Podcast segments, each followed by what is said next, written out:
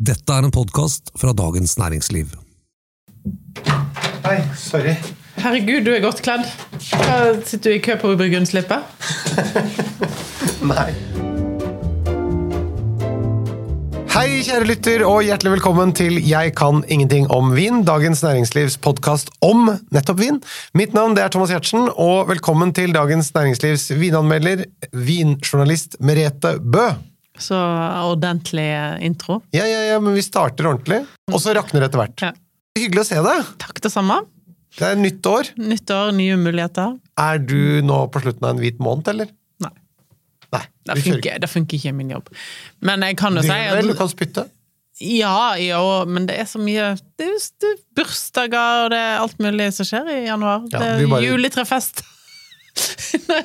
Um, men jeg, kan si jeg har drukket veldig, veldig lite, da. Du har hatt en beige måned, da. Ja.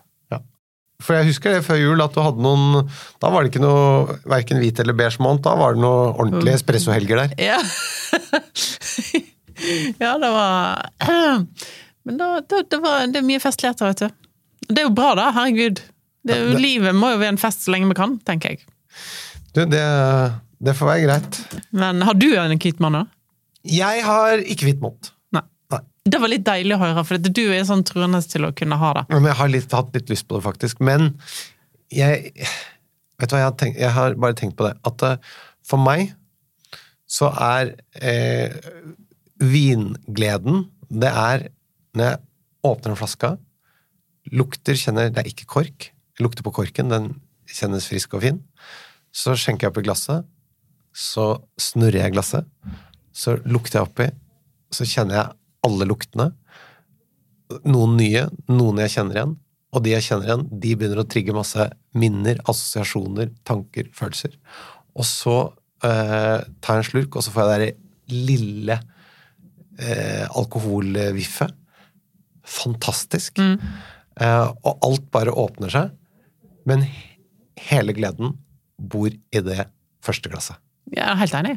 I begynnelsen så er sansene åpne, og så med alkoholen så sløves jo sansene, og dermed så lukker det seg igjen, og så drikker man bare mer og mer, og så tror man, og man kommer bare lenger og lenger unna det som i hvert fall for meg er gleden. Jeg er helt enig. Jeg drikker, jeg har stor glede i det første glasset, og så dabber det av. Eh, og stort sett, eh, veldig ofte så drikker jeg bare det ene glasset, og så smaker jeg på resten av vinene den kvelden, og så ja, har jeg en bedre dag dagen etterpå. Det er nytt år og eh, nye muligheter for både å smake og kjøpe vin. Jeg tenkte det kunne vært litt gøy å starte denne sesongen med at vi får høre rett og slett hva du, Merete Bø, har lyst til å drikke og ikke minst kjøpe i 2024. Er det en plan? Kan vi få høre det? Sånn at vi bare Litt kan usikker på om vi skal avsløre det, får jo ikke jeg tak i det selv. da. Nei, men sånn er det. det, det for å si det sånn, de problemene med at ting er utsolgt, de får du skylde deg sjøl. For de er du med å lage. Jeg blir litt irritert på meg selv akkurat for dette. Ja, men sånn er det. Men det betyr at vi kan gå gjennom både ting som du har fast på programmet ditt, og nye ting som du gleder deg til. Og så blir det da, eh, ettersom det ikke er sluppet ennå, sånn, så vet vi jo ikke akkurat hva tingene koster, men sånn cirkapris må vi kunne forholde oss til. Ja, og så blir det jo litt sånn Kanskje en årgang for et område, ikke en produsent. Altså litt sånn Men, men du, jeg må si, apropos priser. Ting kommer til å bli ganske mye dyrere, har jeg følelsen av. du ser allerede nå. Det var noen som spurte meg i går «Eh, har du- kan du anbefale en champagne mellom 200 og 300. Så nei, det finnes ikke lenger. Altså, det er alltid blitt liksom 50-100 kroner dyrere siste året. Men det er både at eh, en del årganger sånn, fra Europa har vært små, Ja, så, og- så tilbudssiden er mindre, prisen går opp, og den derre elendige kronekursen slår inn mer og mer. Pluss at det, det har vært veldig mye økte transportkostnader. Var det det òg, ja? ja? På grunn av uh, krig og korona og Nettopp. alt mulig. Nei, Så for, for importørene har vært nødt til å legge på mye mer enn det de har, tror jeg har lyst til. da. jeg mener at vi også hele tiden skal fortsette å jobbe hardt for å finne ting i de lavere priskategoriene, men vi må rett og slett bare akseptere at eh, heisen går oppover. Ja, men altså, ser, jeg, Nå gikk jeg nett gjennom lista over eh, de mest solgte vinene i 2023 Ja. i Norge. Det er jo en uh, trist lesning, for de har jo ikke endra seg så veldig mye. Ok. Uh, men til og med de koster jo 140 50-60 kroner. Mm. Og det er jo viner jeg ikke Som jeg aldri ville svelget ned. Altså som du ikke vil anbefale? Nei, jeg ville ikke anbefalt det på noen måte, men, eller én av kunne jeg kanskje anbefalt, men resten ville jeg ikke anbefalt. Eh, men jeg kunne ikke altså, Hvilken ene er det? Det, det er én Riesling på den topp ti-lista, som eh, er Sigurd von Graven som lager, eh, i samarbeid med von Winning, eh, og som heter Morgenstern. Okay. Og det er, den kunne, den er, det er et godt kjøp, så jeg klarer ikke å finne noe bedre alternativ. Det blir et, en annen vin. Ja, ja, jeg skjønner. Men, men du finner ikke noe Kanskje ikke så veldig mye bedre kjøp liksom, til den prisen og til den kvaliteten, men resten, altså rødvinene på den lista der, kan ikke Jeg hadde ikke svelget noen av de ned om jeg så hadde fått betalt for å svelge den ned, liksom. Ok. Jeg skjønner. Eh, er det noe nytt du ser frem til å teste ut i året som kommer? Uh, ja, altså egentlig alt fra årgang 2021 som jeg ikke har smakt ennå. For jeg syns 2021 er en fantastisk kul årgang. I, i hele uh, Ja, altså Jeg har jo ikke smakt så mye Bordeaux ennå for 2021, for eksempel. Um, og egentlig ikke så mye Pimonte sånn sett heller. Men det er et ganske kjølig år, og det blir færre og færre av de, og jeg tror vi kommer til å uh, savne de kjølige årgangene mye mer enn det vi tror nå. Um, og uh, ja. Og det innebærer at vi får friske, lette og ikke så alkoholsterke viner, stort sett. da. Mm. Er det noen slipp du ser spesielt frem til? da? Egentlig alle slipp er jo spennende. Januarslipp er jo alltid litt sånn kjedelig, men jeg ser jo fram til Burgundslippet, selvfølgelig. Men, men Og det er neste, sånn- neste, uke! Du har jo allerede smakt eh, vinene. Det er 2021-årgangen eh, som eh, du har gitt signal om at du liker. Mm. Neste uke så skal vi ha en full gjennomgang av alt det beste som du mener at vi må kjøpe eh, fra Burgund, så det kommer vi tilbake til.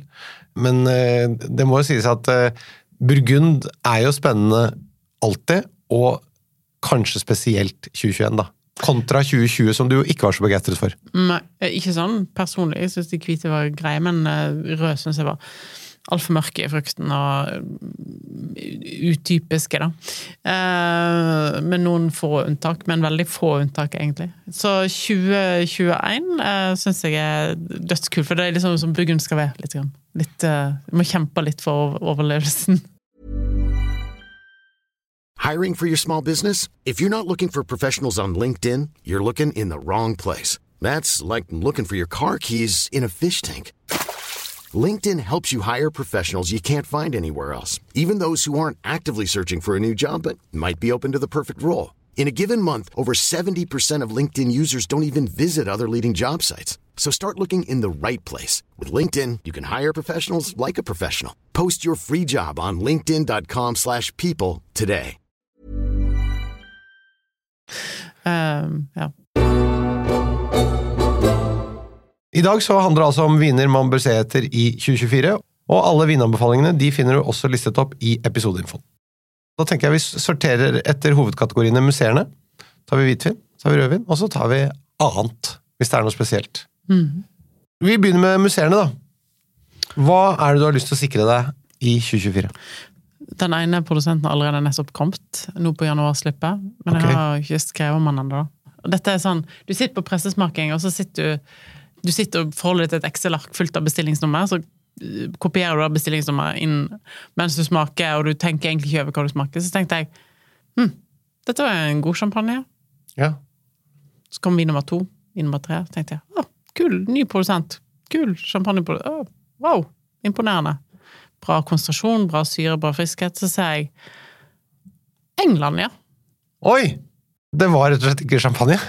Når jeg kjente den modenheten som en god champagne kan ha, Mm. og han var fra England, så ble jeg litt sånn wow. Med ny produsent, da. Så kult. Hvem er dette? Eh, Artelium heter produsenten. Eh, aldri vært i Norge før. Koster litt mer enn mange engelske produsenter, men smaker som en begynnende moden champagne, og det syns jeg var Med den konsentrasjonen og friskheten du får i britisk musserende så syns jeg det var utrolig kult. Men hvis du sammenligner med champagne, da, så er det jo en helt sånn egentlig blitt, dessverre blitt en vanlig pris, men jeg tror de fleste lå over 700 kroner. da. Eller mellom 700 og 900. Men Ok. Så ikke billig. eh, ikke billig. Vi har bare én mulighet her nå, hvis vi ønsker å drikke kvalitet. Vi må drikke mindre. Ja. Og heller eh, finne gleden i små mengder. Mm. Ok. Flere produsenter. Ja, det er en for så vidt jeg venter på, men jeg er usikker på når de kommer. Men det er jo eh, Klaus Petter Keller har en sønn. Eller har to sønner, for så vidt. Men eh, han ene eh, har laga sine første musserende viner. Ok. Første sekt. I Tyskland. Eh, og, eh, Og, og Klaus Petter Keller er da en veldig kjent Riesling-produsent. Ja. Og de jeg smakte deres chardonnay rett før jul. Hans chardonnay, eh, hans sønns chardonnay og hans egen chardonnay, og jeg syns det er dritkult. Eh, så hva de klarer å få til med de musserende, det gleder jeg meg til å se. Jeg håper de kommer i løpet av året, men jeg veit ikke. Men det kommer uansett veldig lite. Så dette er sånn nerdegreie. Men det jeg håper virkelig eh, å se mer av, er sekt fra Tyskland som er laga på Riesling, men som er For det, egentlig så er du mest glad i de som er laga på Pinot og Chardonnay, men jeg vil ha denne freshe Rieslingen. Ja. Jeg vil ha litt sånn som den Lorelei, eh, men liksom en, en rein Riesling med boble. Altså, Så og, og hva vil du drikke det til, da? jeg kan ha et sushi. Altså, alt til litt samme bruksområde som Riesling. Riesling. Eh, men jeg tror det er et marked der for den type viner eh, som eh, er u... Um, som ikke er oppdaga helt ennå. For Ja. det, eh, Norge er veldig glad i Riesling, vi er glad i boble. Boble er den kategorien som, en av de kategoriene som øker mest. Um, så jeg tror at det der uh, Ja. Nettopp det beste av to verdener. Mm. Ok.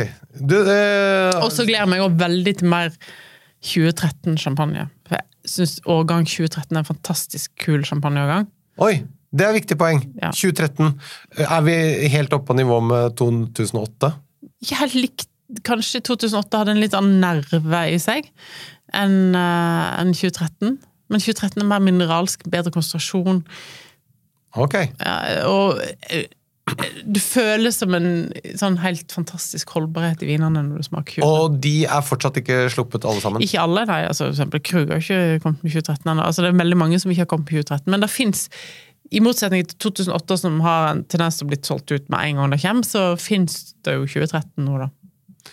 Nettopp. Og for de som da har barn født i 2013, Som vi begge to har. ja, så er jo det også en veldig hyggelig ting å Mm. spare eh, til de blir eh, drikkemodne. Mm.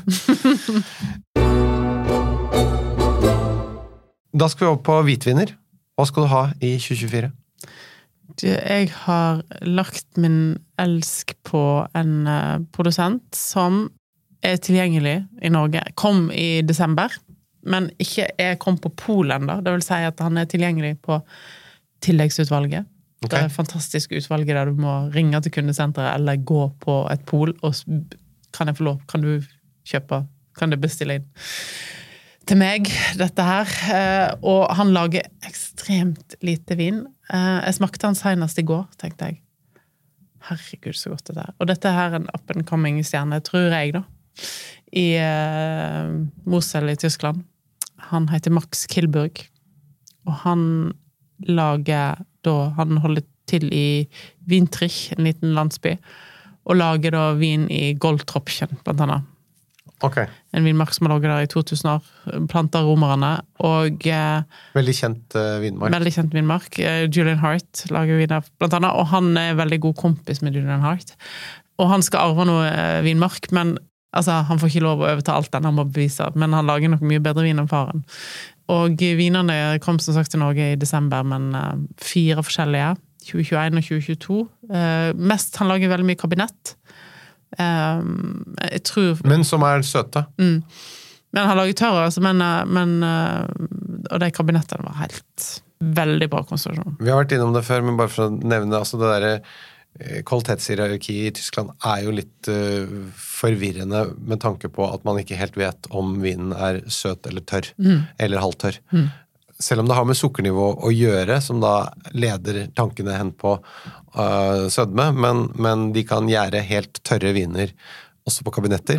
Eh, så, men dette er altså da, når du snakker om kabinettene hans, så uh, er de søte, Mm, ja, eller halvtørre. ja, men de, sånn syrenivået er så bra, så det blir en sånn der Jeg har ikke noe Er vi over i en sånn feinherb-kategori, som jo ikke er en formell kategori, men som ligger et sted Ja, mellom det er litt fra 10 søte til til feinherb, eh, egentlig. 40 Ja. gram sukker vil per liter? Oh, ja. Jeg tipper at de er rundt 40, men det føles som 20, 25 da, på Okay. syrenivået. Altså, Så da er vi på noe som er sånn halvtørt, da, kanskje? Ja. Ja. Eh, men jeg syns de er så delikate og fantastisk konsentrasjon. Og, men han lager sånn 10 000 flasker i år, ikke sant? så det er jo ingenting. Nei. Nei, det er litt, ja. Men eh, Men han er ikke så kjent heller, da. Nei. Og ikke de dyre heller. Nei. Eh, Så husk hvor du hørte det først. ja, det er sånn 250-ish eh, kroner. Så Oi, det syns jeg er veldig Det er jo samme med sånn som Julian Hart når han kom, jeg tror hans første årgang av 2011. Eh, da òg er jo viner som før var tilgjengelig gans, Selv om han lagde veldig lite, så fikk du tak i det. Nå blir det utsolgt med en gang. Sant? Altså, så det er jo bare å fange det opp tidlig. En annen eh, kategori som jeg har blitt litt sånn hekta på òg, er eh, amerikansk eh, chardonnay som kommer fra Santa Rita Hills. For nå har jeg sittet med et par stykker Nå er akkurat den utsolgt av Sandy sin Santa Rita Hills, men litt, den fikk jeg litt sånn kick på, for tanke på Den koster rett over 400 kroner. Sammenlignet med priser i Burgund, så er det Du finner ikke noe til 400 kroner som smaker sånn, da, for å si det sånn. Og så har jeg smakt flere andre Santa Rita. Så tenker jeg, her er det en fellesnevner, og det er at de har en sånn salthet i ut, utgangen. Det er så kult. Det er så godt, og, og den saltheten er jeg litt sånn Den vil jeg bare ha mer av. To andre viner jeg har fått på i det siste dag, eller to andre kategorier, kan jeg kanskje si, eh, som jeg òg ble liksom veldig fascinert over. Den ene er litt sånn mer eh, Det er mer et område, eh, og det er Azorene. Midt ute i Atlanterhavet. Og okay. der er det jo veldig påvirka av sjø. Men det er vulkansk jordsmonn ekstremt sånne salte mineralske hvitviner. Utrolig kule. Eh, Nå har det kommet flere produsenter til Norge, um, og alle har jeg, får jeg litt sånn wow. Stort sett Arinto, eller altså portugisiske druer som jeg kanskje ikke kjenner så godt til, men liksom Azorene generelt. Det fins rødvin der òg, som òg er fantastisk flotte. Eh, Det er ikke noe billigvin sånn sett her, eller det er sånn 300-600 kroners klasse. Eh, Men så utrolig komplisert å lage vin der ute, allikevel så gjør det det. Og eh, fantastisk eh, sånn saltaktig finish. Og en annen i tillegg, eh, som òg kommer fra Portugal, eh, som jeg følte hadde litt samme feeling. Eh, ganske kjent for folk som er opptatt av portugisisk vin, eh, for det er en av de eldste liksom, produsentene, tenker jeg da. Og det er Busaco. Eh, Busaco er et hotell og slott tidligere tilhørte en portugisisk konge, som ligger mellom Beirada og Dao oppe i Nord-Portugal. Som ser helt sånn eventyrslott ut. Det, det, er som, det er en sånn tidskapsel å reise dertil. De lager rødvin, hvitvin og rosévin. Og nå er hvitvin deres markedet, Mhm. og rosévinen.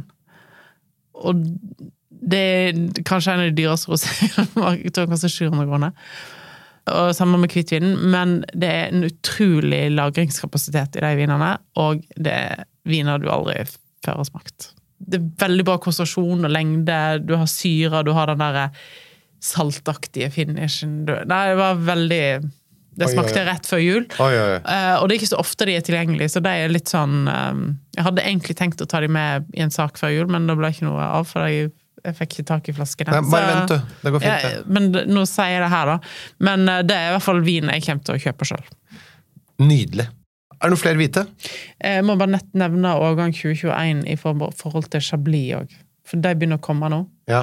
Det var faktisk til og med på Dagsrevyen eh, innslag fra vinmarken i Chablis i 2021, april 2021. Det var så mye frost, og det var fullt sånne fakler i vinmarken. Eh, men det som, det som kommer, syns jeg er kjempedigg. Den friske syren og kjøligheten i vindstilen er jo en sentral del av Chablis eh, hva skal vi si for noe, identitet. Må kunne si det. Ja, absolutt. Og så blir det spennende å se og sånn Det er jo en stor handel som har skjedd der òg. eh, som egentlig ble offentliggjort, selv om jeg visste om det en stund, eh, for noen dager siden. Og det er William Fevre, som er en veldig bra Chablis-produsent. Ja. Eh, ble solgt til eh, Rothschild, Lafitte Rothschild. Så da blir jo eh, spennende å se hva en Bordeaux-produsent klarer å gjøre i Chablis. Men hva tror du om det? Tror du det blir bedre eller dårligere? Det, William Fevre har vært veldig bra, så det kan, det, eh, kan det bli så mye bedre, kanskje? Det samme sa man om Le Fleuve også. Ja, sant. Ja, akkurat. Så Og det ble bedre. det ble bedre. Er vi gjennom de hvite, da? Mm. Jeg klarte til og med å presse inn en liten rosévin. ja. This Mother's Day, celebrate the extraordinary women in your life with a heartfelt gift from Blue Nile. Whether it's for your mom, a mother figure, or yourself as a mom, find that perfect piece to express your love and appreciation. Explore Blue Nile's exquisite pearls and mesmerizing gemstones that she's sure to love. Enjoy fast shipping options like guaranteed free shipping and returns. Make this Mother's Day unforgettable with a piece from Blue Nile. Right now, get up to 50% off at BlueNile.com. That's BlueNile.com. In the market for investment worthy bags, watches, and fine jewelry, Rebag is the answer. Rebag is a luxury resale platform where each piece is carefully inspected by experts to ensure quality and authenticity. Use Rebag to buy and sell finds from the world's top brands, including Louis Vuitton, Chanel, and Cartier. Head to Rebag.com and get up to 15% off your first purchase as a member with code REBAGNEW. Shop today at Rebag.com. That's R E B A G.com. And use promo code REBAGNEW for up to 15% off your first purchase as a member. Millions of people have lost weight with personalized plans from Noom, like Evan, who can't stand salads and still lost 50 pounds. Salads, generally, for most people, are the easy button, right? For me, that wasn't an option. I never really was a salad guy. That's just not who I am. But Noom worked for me. Get your personalized plan today at Noom.com. Real Noom user compensated to provide their story. In four weeks, the typical Noom user can expect to lose one to two pounds per week. Individual results may vary.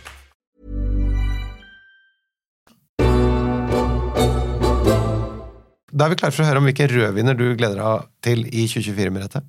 Det var ikke så tydelig der da, hva jeg skulle velge.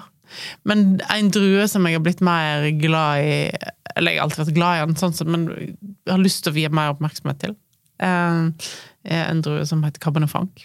Det har vi vært eh, innom så vidt, og det, det kommer stadig oftere tilbake, så dette, dette Jeg har er mer og mer, Hvis jeg sitter sånn mm, tenker, Hva er det du på? Mm, jeg har lyst på Cabernet Franc. Jeg har lyst på den. Men jeg har ikke lyst på en dårlig Cabernet Franc. Jeg har ikke lyst på en Cabernet Franc som lukter paprika og spa... Eller som, du vet, som er sånn pepperaktig. Jeg vil ha en moden en. Men litt paprika, litt, vondt er, litt, er godt. litt krydder, men ikke liksom hele At det blir godt vondt, liksom. Ja, ja. Det liker jeg. Og den er jo veldig allsidig matmessig òg, Du har flere ganger anbefalt den til vegetarmat. for eksempel. Hvis man vil ha rødvin, da. Så eh, nå kom eh, fra Santa Barbara eh, Lye Di sin Cabernet Franc, kom inn i årgang. Eh, kanskje litt enkel og ikke så mye terroir som mye av de franske utgavene, men ergo litt mer sånn entry level, da. Og ikke så mye terroir. På godt og vondt, da. Ja. Ja. For den, den er jo litt glatt, og den har liksom ikke alle de Jo, men som han er ukomplisert, men han er en veldig godt laga vin, og veldig, for å bli kjent med druen, en veldig fin måte å Ja, så en tydelig, liksom, tydelig på selve druens eh, egenskaper, og ikke terroirets take på druens egenskaper. Ja. I fjor så drakk vi noen ganger Clos Rochard, som er jeg i hvert fall er helt eh, ekstremt begeistra for. Det, det, det er jo en veldig vanskelig vin å få tak i, men som jeg har fått smake gjennom deg. Jeg må si, den var jo fantastisk. Jeg kjøpte noen flasker da vi var i Paris, og fått tak i noen til. Eh, Og eh, til min store forbauselse så hadde jeg den med på Jeg følte jeg hadde virkelig slått på stortromma. Okay. Hadde den med på en middag før jul. Du vet, sånn spleiselag. Alle har med seg noen viner. Og alle er jo veldig opptatt av å, at det sine viner skal på en måte bli åpna. Ja. Og fronta deg og se her Eh, og jeg hadde med en champagne, og så hadde jeg med den. Og den champagnen røyk ikke med en gang, selvfølgelig. Og så ble den bare skufla unna av folk som ikke visste. Som burde visst hva dette var, men som bare En rødvin fra Loire, seriøst, Merete. Å ja. Men det er jo en vin som, ikke jeg, som du har introdusert meg for, som jeg har fått drikke sammen med deg.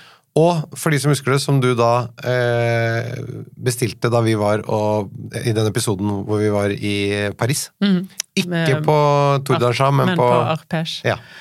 og som passet perfekt til dua. Og jeg tenkte dette her er jo dritkult, den viltmiddagen vi skulle ha der. Nei, eh, det var ikke snakk om. Eh, Så da tenkte jeg fint, jeg skal ikke fronte det noe mer enn det jeg, tror jeg tar med meg hjem igjen. Tok du med hjem? Ja, selvfølgelig! Nei!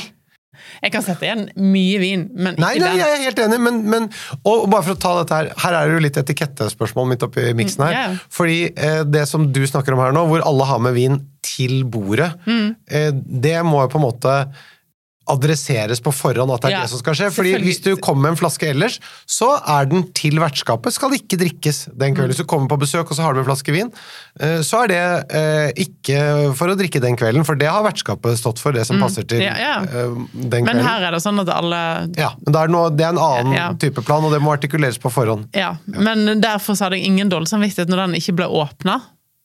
Fordi at det ble valgt vekk, fordi den ble ansett som ikke bra nok. Da er det også legitimt å ta den med hjem igjen. Ja. Selv om Du- jeg vil jo alltid åpne de flaskene jeg har med meg. Jeg hadde med en blomsterbukett der, men jeg ser at den ikke er åpnet, så den tar jeg med meg hjem. jeg.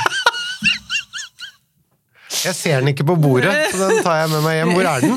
Kan jeg finne Jeg satt og eh, snakket på jobb om dette her etter julet, liksom. Der folk hadde vært på julebord, og noen hadde bestilt kjempedyr vin, og alle måtte ta regningen, selv om ikke det var greit. Altså, det var mange spørsmål som har meldt seg, da. Du, Det må vi faktisk snakke om, for jeg tror mange av våre lyttere er nettopp opptatt av akkurat det. Hvordan løser man det? Men jeg kan anbefale våre lyttere som hører dette her nå, da, at eh, de kan sende oss eh, problemstillinger som vi skal ta opp. Veldig gjerne vin at dn.no. Har du eh, spørsmål eller problemstillinger knyttet til etikette, spleising, eh, hvordan man skal te seg i middager, eh, både som eh, gjest og vert, eh, det vil vi ha. Så lager vi en egen episode. Ok, vi var på, vi var på eh, røde viner. Du har nevnt da eh, Cabernet Franc-viner eh, fra Loire. Mm, og eh, USA. Ja. Men eh, hva annet er det du gleder deg til å se frem til på, på rødvinsfronten? Jeg ser frem til um, 2021 Burgund som kommer. Det har kommet litt. Da Det kommer jo Angeville vil nå i starten. av- Men vi, vi holder Burgund utenfor, for det jo, vi skal jo ha en egen episode om Burgund i neste uke. eh, Med slippet, som du allerede har smakt. Og igjen, beskjeden er at eh, det er godt, Det er godt. men det er lite. Ja. Så da må vi, Men det tar vi neste uke. Men andre, andre ting utenom Burgund. Rett før jul så hadde jeg eh, en video der jeg snakket om en vin fra Betlehem. Ja. Fra okkupert område i Vest Vestbredden. Laget på en eldgammel drue, og, eh, som mest sannsynlig kanskje er de, en av de druene som de drakk for 2000 år siden, når Jesus eksisterte i samme område. Og laget på et kloster av eh, veldig flinke produsenter og sånn. Fantastisk kul vin. Altså virkelig, og virkelig imponerende kvalitet. Og det er laga veldig mye vin i området, og ikke bare, tenker jeg eh, i Vestbredden. Da, eh, jeg fikk beskjed om, Den ble utsolgt. Jeg fikk beskjed om av importøren at de klarte faktisk å få tak i mer flasker, til tross for den situasjonen de er i nå. Så er er det òg områder som ikke har det så enkelt, eh, som lager fantastisk vin. Det, da som, og det tenker jeg sånn som Libanon, for eksempel. Eh, som, eh, som Syria, som alle disse områdene som er på en måte Vinens opprinnelse er jo på en måte i det området. Eh, så eh, Og jeg litt jeg blir- veldig imponert over kvaliteten de klarer å lage eh, med så dårlige kår. Og hvis vi, hvis vi da forholder oss utelukkende til nettopp eh, rent sånn naturmessige og geografiske eh, forholdene der nede, er det eh, varmt eller eh, kjølig eh, stil på vindene?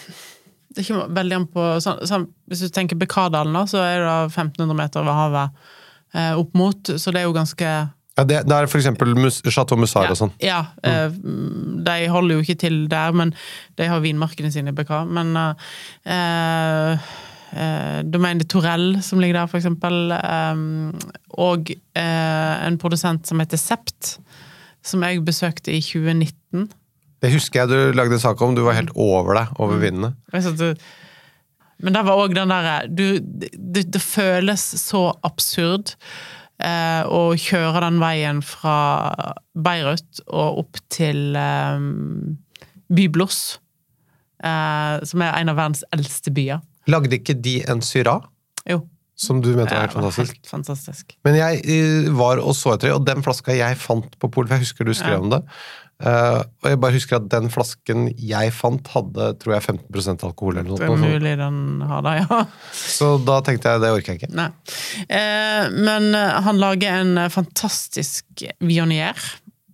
uh, som Jeg liker ikke vionier, helt sånn personlig. Jeg kan si at en vionier kan være teknisk god vin, men jeg har ikke, kjøper ikke det sjøl. Eh, men han lager en vionier som jeg aldri har smakt maken til. Eh, han lager òg fantastisk. Han lager- Altså, Cabernet Franc, han lager alt mulig. Men oppe på eh, Mount Beitron der, som er helt Det er så øde som det er mulig å bli. Eh, og han har jobba så knallhardt for de vinmarkene. Eh, så eh, Og samme òg med Barcelus, i, eh, som ligger rett eh, oppenfor Latakia i Syria. Eh, som fins på norskmarkedet. Og, mest av alt fordi de lager kvalitet, og det gir deg en smaksopplevelse som er fantastisk, men òg fordi at her er det så mye historie i disse flaskene. Eh, så hvis en har lyst til å oppleve noe nytt Men det, det, det vil jo også med dette her, så følger du jo også litt andre måter og metoder å jobbe på, sikkert. eh, og eh, også eh, et annet terroir. Så du får jo liksom de samme druene, men med en pust av en, eh, Ja, og- en del av verden, da. Altså, akkurat disse produsentene i Libanon og Syria, de lager jo på eh, kjente druer, internasjonale druer, men de, de i Libanon, eh, nei, i, på Vestbredden der, de lager jo vin på gamle De har for, altså, forskere på universitetet eh, i Jerusalem, tror jeg det, som har forska seg fram til de gamle druetypene som ikke Som nesten var nesten utrydda, da. Ja.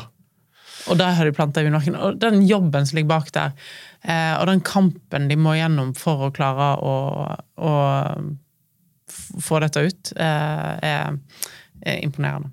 Du, dette var veldig interessant. Og for Eh, ikke snakke om Armenia òg, da, som jeg eh, har en sånn forkjærlighet for, og druen Areni. Som òg er en av verdens eldste druer. Som eh, Og hva slags, hva slags eh, vinstil gir den druen? litt Barbera-aktig. Jeg, jeg, jeg, vil, jeg vil si den barberer den nærmeste jeg kommer Areni. Da, Um, da tenker du da på at den har lite tanniner og, og høy syre. høy syre, ja. Og høy alkohol også, som Barbera Nei, ikke så høy. Ikke sånn 15, liksom. Nei. Mer eh, sånn 13,5. Det er jo høyt. Altså, de er jo på 1000-1500 meter der òg.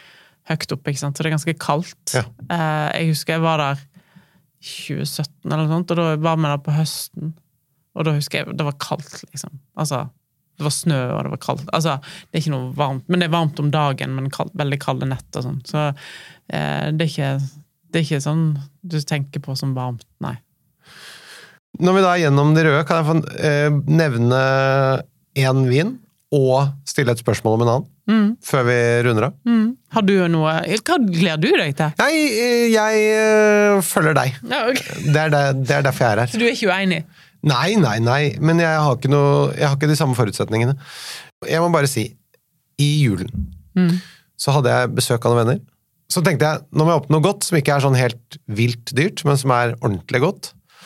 Og så gikk jeg ned, og så fant jeg en vin som du anbefalte meg for en del år siden, første gang. Eh, som er da denne eh, burgunderen laget på den opprinnelige klonen Pinot Fin. Mm. Nå er jeg veldig spent. Nå tenkte jeg å, nå får jeg kjeft. Tenkte jeg. Nei, Nei.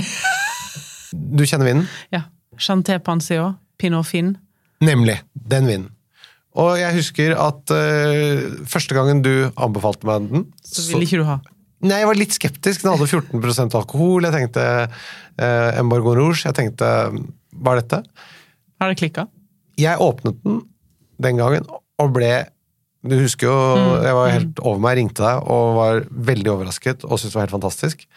Så eh, gikk det en stund, ganske god stund, så åpnet jeg en flaske til, og så tenkte jeg herregud, dette var godt. Jeg ble overrasket over hvor god den var. Nå åpnet jeg en flaske 2019 med gjester på middag. Jeg ble overrasket igjen. Ja, men den vinen, den er i basisutvalget. Ja. Du hadde jo introdusert den, så kostet den rundt 400. ja. Nå koster den 600. Eller? Ja, så den er jo ikke billig, og det er en Bourgogne Rouge, men herregud for en vin! Og den banker jo viner som koster 1500 kroner fra Burgund også. Og det, det Den har altså en konsentrasjon, en lengde, en dybde, en kompleksitet, en eh, balanse. Altså, produsenten er jo veldig bra, så det er ikke det. Men det er jo, jeg syns jo nesten den vinen er bedre enn mange av deres andre viner som er mye dyrere, sjøl innad på huset, liksom. Så det må jo være vinmarken som er Jeg har aldri besøkt vinmarken, så jeg veit ikke, men det må jo være vinmarken som er helt fantastisk. Og klonen, liksom. Altså, fordi at det, er en vin Og jeg har snakket med importøren om det, og de sier at det, stor del av produksjonen på den vinmarken kommer til Norge pga. at den har kommet seg inn i basis. Og den har solgt seg inn i basis. Nei, vet du hva, den, som sagt, det skjer jo med alle gode ting. Den blir dyrere, men jeg kommer til å kjøpe mer av den og legge i kjelleren, fordi eh, når alt annet går eh, liksom opp i 2000 og sånt nå, så vil jeg ha den flasken der. for det er helt, Gjestene også var helt uh, over seg. Ikke spesielt vininteressert, sånn bare litt, liksom. Syns det var helt uh, outstanding. Til de som ikke får tak i noe som helst i køen på Burgund neste uke, der har du en vinner. Som alltid fins. Ja. Så er det spørsmål. Har du smakt uh, Oma, altså Ole Martin Alfsens Blau Frankisch? Mm. Jeg leste nemlig i Vinforum om uh, den vinen eh, som et veldig godt kjøp. Så jeg bare lurte på om du har noe Om du husker den? Jeg har uh, smakt den, men jeg har ikke smakt siste årgang, ser jeg. Uh, den er det min kollega som har smakt, Espen, og han ga han 88 poeng. ser. Ok. For det er noe interessant. Det er, er eksempel en drue som jeg ikke så ofte drikker. Jeg syns uh, Ole Martin Alfsen eh, har laget en del veldig bra viner og fått en veldig sånn Altså Han virker som han gjør en veldig grundig jobb med eh, vinene.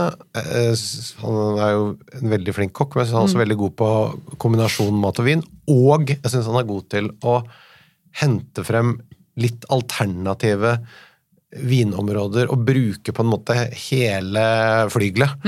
Han henter viner både fra områder og druer som jeg ofte ikke tenker på. Så Derfor så var jeg litt nysgjerrig på den vinen. Eh, absolutt. Du blir aldri skuffa hvis du kjøper en vin fra han, føler jeg. Du merker jo at det ligger kvalitet og håndverk er en sentral del av det han driver med. Han er opptatt av det, så kan man jo av og til gjøre mer og mindre vellykkede ting, men, men det drives av en kjærlighet til fag og, og viljen til å lage kvalitet. Det må vi bare Sånn må vi lese det. Absolutt. Men Bladfrankers er en ganske interessant drue, og det jeg tror det vel er Heinrich som lager vinen der, mener jeg. Kan edde til to produsenter i Østerrike som jeg, jeg har vært imponert over de siste månedene, og det er da eh, Dorli Mur. Ok, ok. Da var det Trump begynte på mot Mexico. Ja. Så da, ha det, da klarer du kanskje å huske navnet. Ja. Hun holder til i Carnuntum eh, og har eh, veldig bra vinmarke på Blad Frankers, men hun lager også en veldig bra Syrah. Men Blad Frankers, bare si hva slags vinstil gir det? Den er en ganske sånn mørk Det er en sånn blanding mellom Barbera og Syrah-feeling. Eh, eh, ganske bra syre, mørke bær. Eh, ikke så ekstremt mye tanniner. Veldig sånn syredreven. Det kan være av og til det er litt delikat òg. Av og til litt vanskelig å pinpointe. En bladfrankers som er på polet i så å si alle hyller, er jo Mein Klang sin. Ja. Eh, som jeg òg hadde lyst, lyst til å nevne, for jeg syns det er et utrolig godt kjøp. Jeg smakte noe siste året og jeg tenkte wow. Det, jeg følte at den var blitt bedre. Mer delikat enn kan ha vært. Nesten litt sånn pinot-ish på smak. Um, De er jo helt biodynamiske. Veldig. Og uh, vi var på Systembolaget rett før jul mm, og lagde film. Uh, og var skuffa over alt utvalget. Men jeg kjøpte med meg en Meinklang Pinot Noir, som ikke finnes i Norge, meg bekjent. Um, som de hadde på Systembolaget. Og den var faktisk veldig, veldig bra. Og koster 160 kroner i Sverige. Så det er en produsent som er tilgjengelig, og for alle som eh, eh, ikke har lyst til å bruke masse penger på vin, så er det et veldig godt kjøp. Her avslutter vi rett og slett med eh, en vin som du kan drikke etter at eh, du har drukket en litt eh, dyrere kvalitetsvin. Eh, apropos, når vi snakker om eh, spennende prosjekter som er liksom litt forbeholdt det norske markedet, eh, så må jeg jo si at jeg glemmer veldig til Per Larsen sine nye viner i 2024. Som også jeg- da er en importør som da går sammen med eh, lokale produsenter, på samme måte som Ole Martin Hansen, Mm. og da lager viner under egen eh, label. Ja. Men så, jeg har jo ikke smakt det ennå, så jeg kan jo ikke anbefale det ennå. Men Nei. jeg kan jo si at jeg vet at det kommer, og at eh, jeg eh, gleder meg til å se Eller jeg gleder meg til å smake.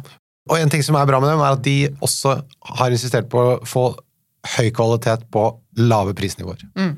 2024 er spennende. Vi er i gang med dette, og neste uke er det episode viet Bugunnslippet. Mm. Det gleder jeg meg til. Kjære lytter, hvis du har spørsmål, send oss dem på vin at dn.no.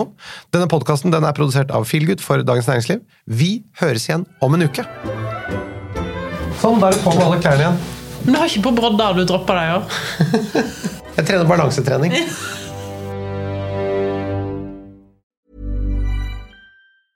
Normally, being a little extra might be a bit much, but not when it comes to healthcare. That's why United Healthcare's Health Protector Guard fixed indemnity insurance plans, underwritten by Golden Rule Insurance Company, supplement your primary plan so you manage out of pocket costs. Learn more at uh1.com. Planning for your next trip? Elevate your travel style with Quince. Quince has all the jet setting essentials you'll want for your next getaway, like European linen, premium luggage options, buttery soft Italian leather bags, and so much more. And is all priced at 50 to 80% less than similar brands. Plus, Quince only works with factories that use safe and ethical manufacturing practices. Pack your bags with high-quality essentials you'll be wearing for vacations to come with Quince. Go to quince.com slash pack for free shipping and 365-day returns. Mom deserves the best, and there's no better place to shop for Mother's Day than Whole Foods Market. They're your destination for unbeatable savings, from premium gifts to show-stopping flowers and irresistible desserts. Start by saving 33% with Prime on all body care and candles. Then get a 15-stem bunch of tulips for just $9.99 each with Prime. Round out Mom's menu with festive rosé, irresistible berry chantilly cake, and more special treats. Come celebrate Mother's Day at Whole Foods Market. Du har nå hørt en podkast fra Dagens Næringsliv.